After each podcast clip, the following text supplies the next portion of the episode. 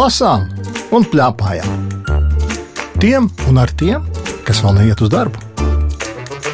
Nu, ko? Parunājam par grāmatām. Mm, jā, varam. Teodoram, 8 gadi. Čau, Teodor. Čau. Laurim vairāk, bet grāmatas ir viens un tās pašas, kuras mēs esam izlasījuši. Jā. Pirmo grāmatu, Sauc ar Mondo. kas ir ar Mondo, Ar Mondo ir tāds zēns, kurš ļoti labi mācīja spēlēt futbolu. Kāpēc viņam tāds jocīgs vārds? Nu, jo viņš ir no citas valsts. Tu atceries no kuras? Mm, Neatceros. Aha, es tev pateikšu priekšā, Argentīnas. Es vairs nepazīstu tādu valsti. Argentīna ir pilnīgi zemeslodes otrā pusē. Tiešām? Dienvidamerikā. Un Dienvidamerikā ir populārākais sporta veids. Futbols. Jā, par to arī šī grāmata. Un kā te ir rakstīts, Armando ir stāsts par zēnu, kura tētis ir argentīnietis, bet mamma igauniete. Uzsākot skolas gaitu Stallinas skolā, Armando iegūst draugus tikai tad, kad izdodas pierādīt savu izcilo prasmi futbola laukumā. Šo grāmatu ir sarakstījis Igaunis Mika Kerenens. Zīmējis gan ir Latvijas Lilija Berzīnska, bet, kad domā, ir liela starpība starp Igauniem un Latviešiem? Jā, jo Igaunija ir diezgan tālu no Latvijas, jo, lai aizlidotu uz Igauniju, vajag lidmašīnas. Nepiekrītu. Var pilnīgi mierīgi aizbraukt ar autobusu. Igaunija ir mūsu kaimiņu valsts. Tu zini, ir tāda pilsēta Valka. Es dzirdēju, Nē, es atceros, ka vienu reizi mēs ar mašīnu, braucām uz Paulēniem, mēs vienu reizi tā kā, ir kaut kur citur un pārbraucām pāri Latvijai, bijām citā valstī. nu, re, varbūt, ka tu tam. Jo ir tāda pilsēta Valka un ir pilsēta Valga. Un viņas abas divas šīs pilsētas īstenībā ir kopā. Tikai viena valka ir Latvijā, un otra puse ir Igaunijā. Kāpēc es to saku? Tāpēc, ka Igauni ir ārkārtīgi līdzīgi latviešiem. Nu, jā, nu viņiem ir cita valoda, protams. Bet viņi ir ārkārtīgi līdzīgi. Bet argentīnieši, Ko es saku? kā tu domā, viņi ir līdzīgi latviešiem Nē, un Igauniem arī nē. Vai ne? jā. Un par to ir visa šī grāmata. Tu spēlē futbolu? Dažreiz, kad sportā, bet es vienmēr tā kā vienkārši sēžu pie vārtiem un gaidu, ka kāds, ja kāds uzbruks tā kā vārtiem, tad es vienkārši sitīšu to bumbu nost no vārtiem. Boņai ir visi īstenībā labākais no komandas un Pēters, jo viņi ir diezgan labi un Haralds arī. Viņi ļoti labi māk spēlēt futbolu. Tavā klasē, ja? Nu jā, jo viņi ir tādā pulciņā futbola. Nu, redz, nu, tu jau gandrīz vai stāsti to, kas ir šajā grāmatā rakstīts. Tie arī ir trīs puikas, kur tie ir labi mākslinieki spēlēt futbolu. Un par viņiem arī ir stāsts, un tad ierodās ar Mondo no Dienvidamerikas. Tu vari kādu gabaliņu nolasīt no grāmatas. Dažus soļus no Vilija stāvēja Gerda un Anna. Tās bija divas pirmklasnieces. Zēna prasme piesaistīja arī meiteņu uzmanību. Viņas par kaut ko ķiķināja un sačukstējās. Vilijs ieklausījās. Gerda teica Annai, tas jaunais zēns ir dīvains, viņam ir tik savādas acis melnas kā ogles. Es ļoti baidos no viņa palīgā. Anna iespiedās.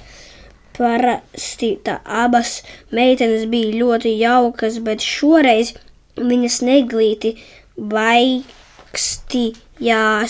Gerde atņirdza zobus, kā aligators. Tas nekādīgi nesaderēja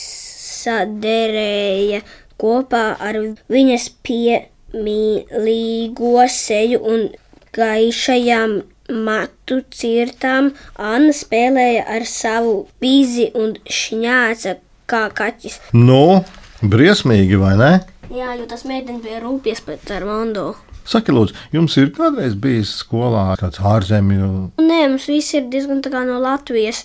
Un tad Haralds, mans draugs, aizbrauks uz Angliju. Viņš ļoti labi māks spēlēt. Viņš aizbrauks uz Angliju. tieši futbola spēlēt?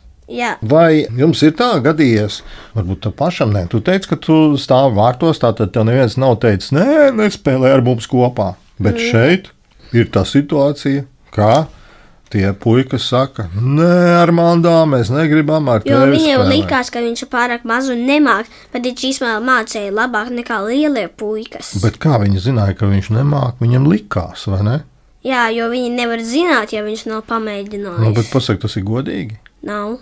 Laikam par to ir grāmata. Man šajā vietā būtu jānolasa viena vieta, kur tad, kad Armando jau ir pierādījis, ka viņš ir ļoti labs futbolists un viņš spēlē jau kopā vienā komandā.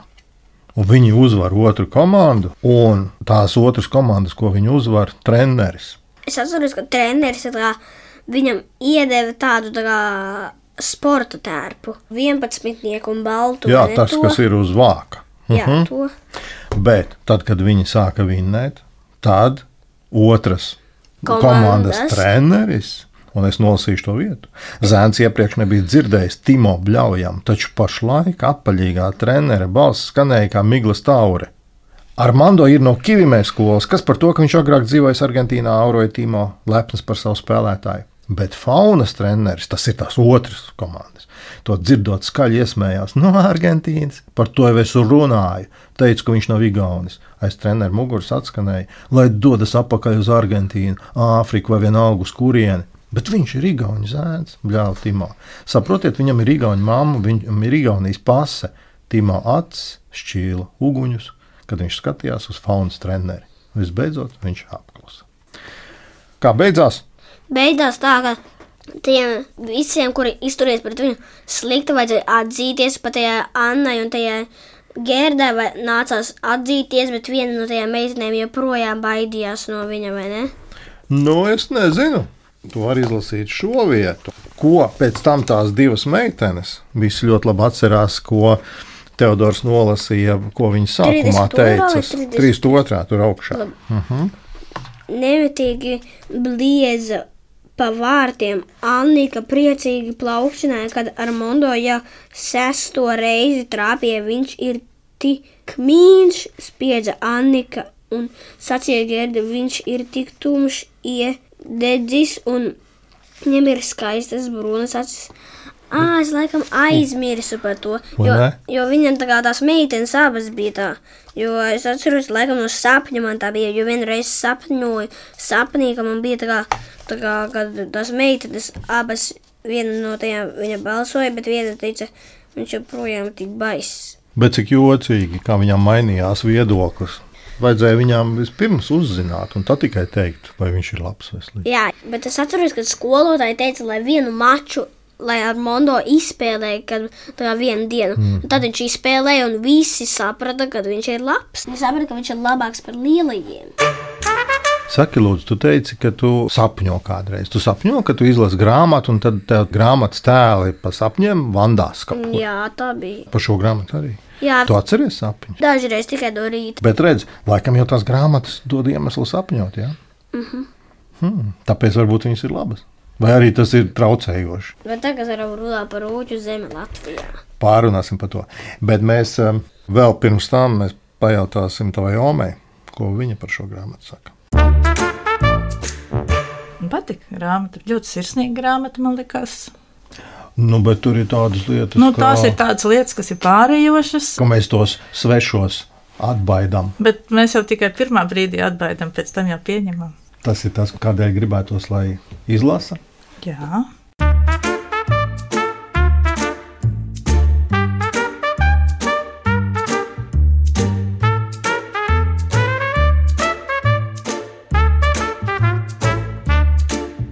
Lasām un plēpājām.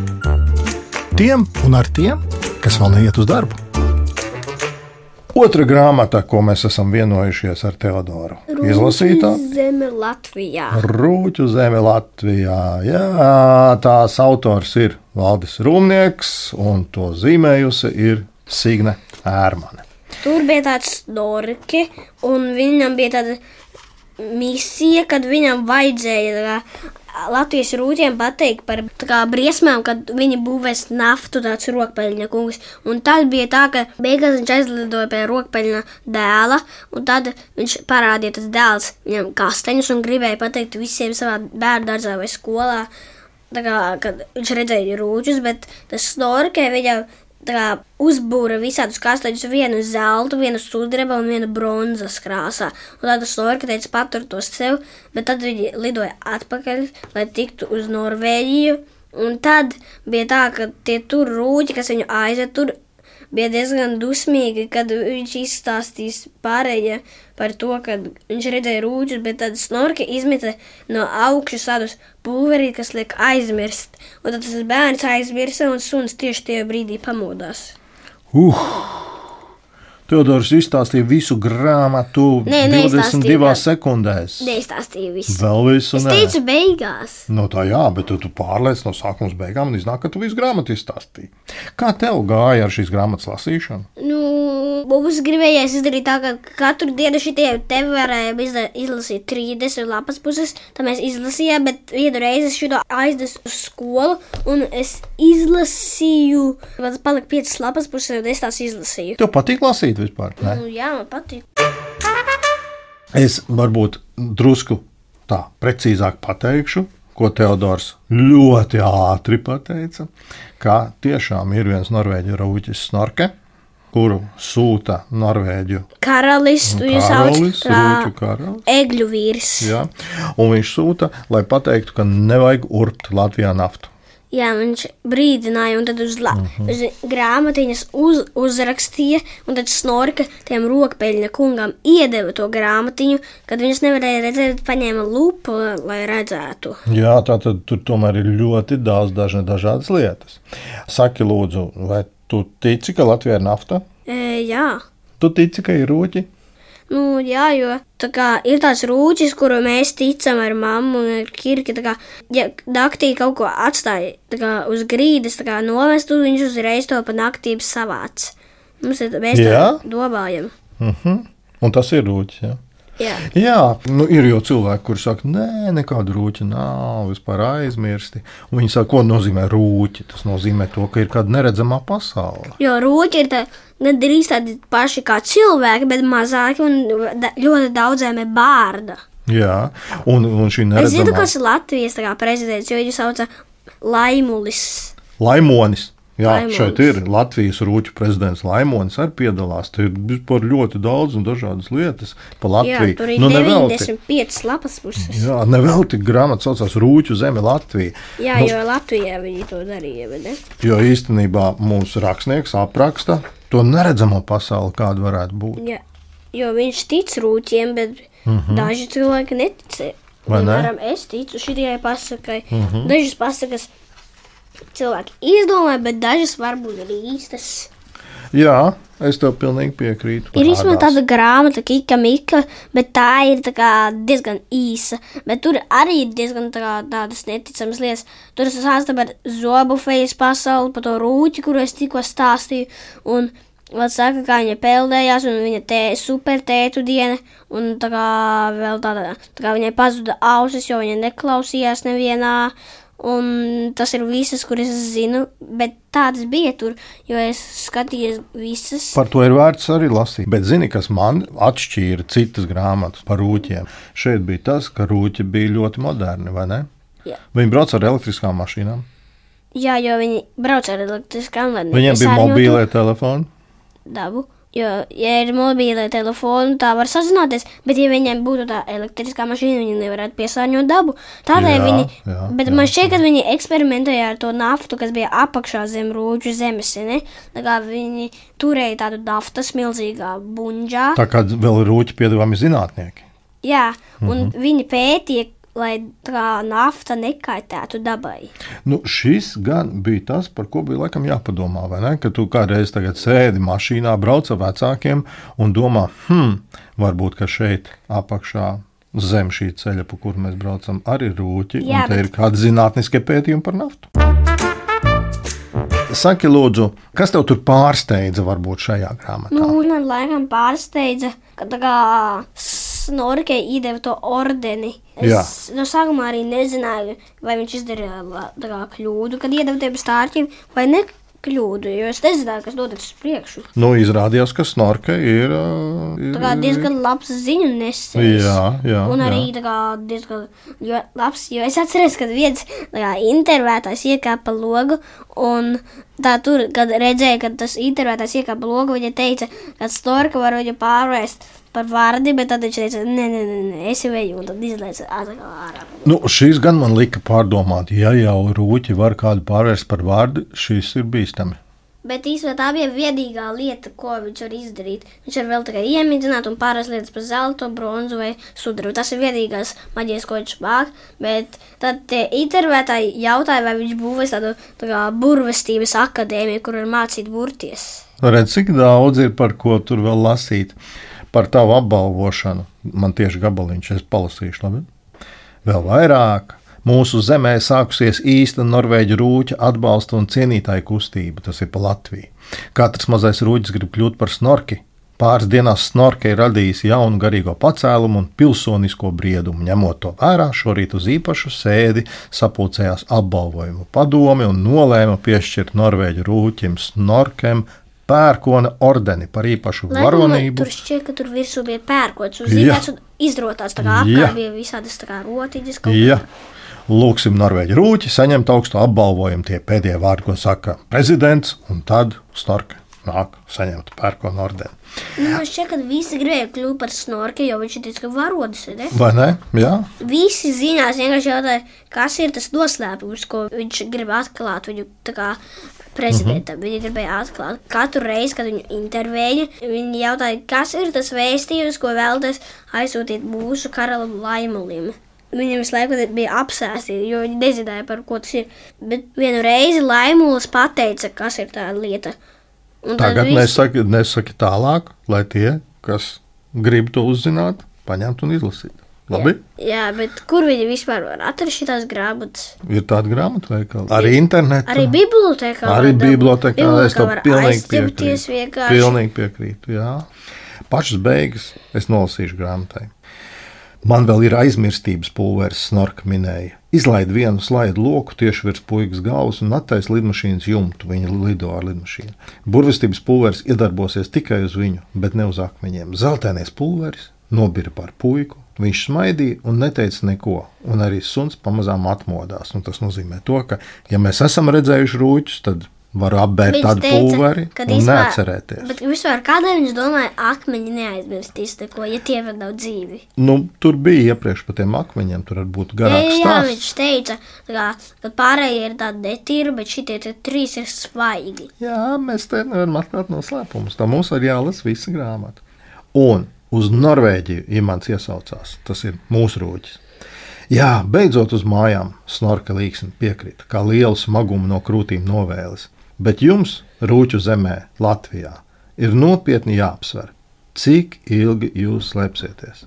Varbūt pasaule kļūs tikai skaistāka, ja cilvēki sāks ticēt rūķiem. Jā, jo viņi domāja, varbūt, ja viņi uzvedās par rūķiem, varbūt viņa pasaule kļūs tāda pati kā apakšā rūķiem Latvijā, vai ne? Tev labāk patīk tā rūķu pasaule nekā Man tā. patīk tā rūķa pasaule, jo viņi izmanto tādas elektriskās tikai, lai nepiesārņotu dabu. Mm. Bet visvairāk cilvēki izmanto tās naftas, jo tās ir lētākas, tā kā nemaksā tik daudz. Katrā ziņā tu iesaki šo grāmatu palasīt un padomāt par to, vai ir apakšā neredzamā pasaule vai ne. Ja es kādu dienu paņemšu šo lāpstu, tad vienkārši rakšu zemi, ja nu es atradīšu. Vai kāda ozola, tā kā, kā snorki meklējusi laiku ozolu. Interesanti, ko tā Voma domā. Nu, fantastika. Tas ir neticamā fantastika. Varbūt arī daļai ticama fantastika. Jāpadomā bija. Jā, protams, par mūsu rūķu attīstību. Bet bija sajūta, ka tiešām ir Latvijā, ka tie ir latviešu rūķi. Jā, jā ir latviešu rūķi. Ar Teodoru runājās Lauris Gunders, raidījuma redaktore Agita Bērziņa, skaņu režisori Valdis Raitums un Elizabete Šeicānova. Raidījumu vēlreiz var noklausīties Latvijas radio lietotnē, mājaslapā un arhīvā. Tiekamies!